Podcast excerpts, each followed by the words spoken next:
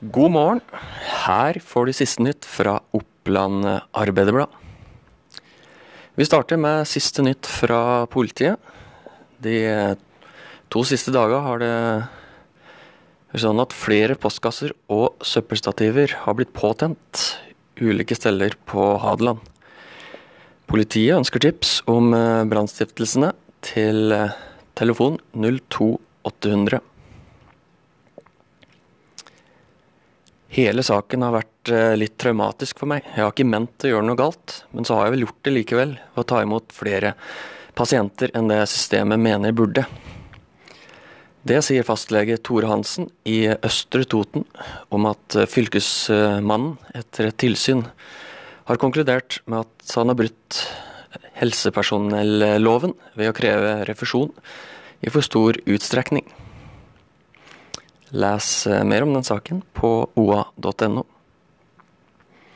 Et tog kjørte på et tre som plutselig falt over toglinja på Gjøvikbanen eh, fredag kveld.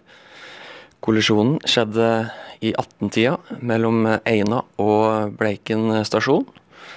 Det tok over fem timer før toget ble dratt av et arbeidstog inn til stasjonen på, på Bleiken.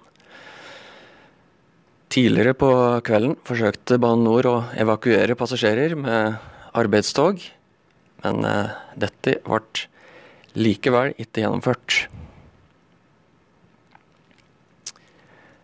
Fredag markerte campinggründeren eh, Nils Dale eh, at familien Torbjørnsen fra Gjøvik overtar hele aksjeselskapet Beitostølen camping med rundt 270 vognplasser. Bedriften ble lagt ut for eh, salg i vår. Så til slutt eh, litt sport. Ingrid Mo Wold fra Kapp skal spille for eh, toppserieklubben Madrid CFF.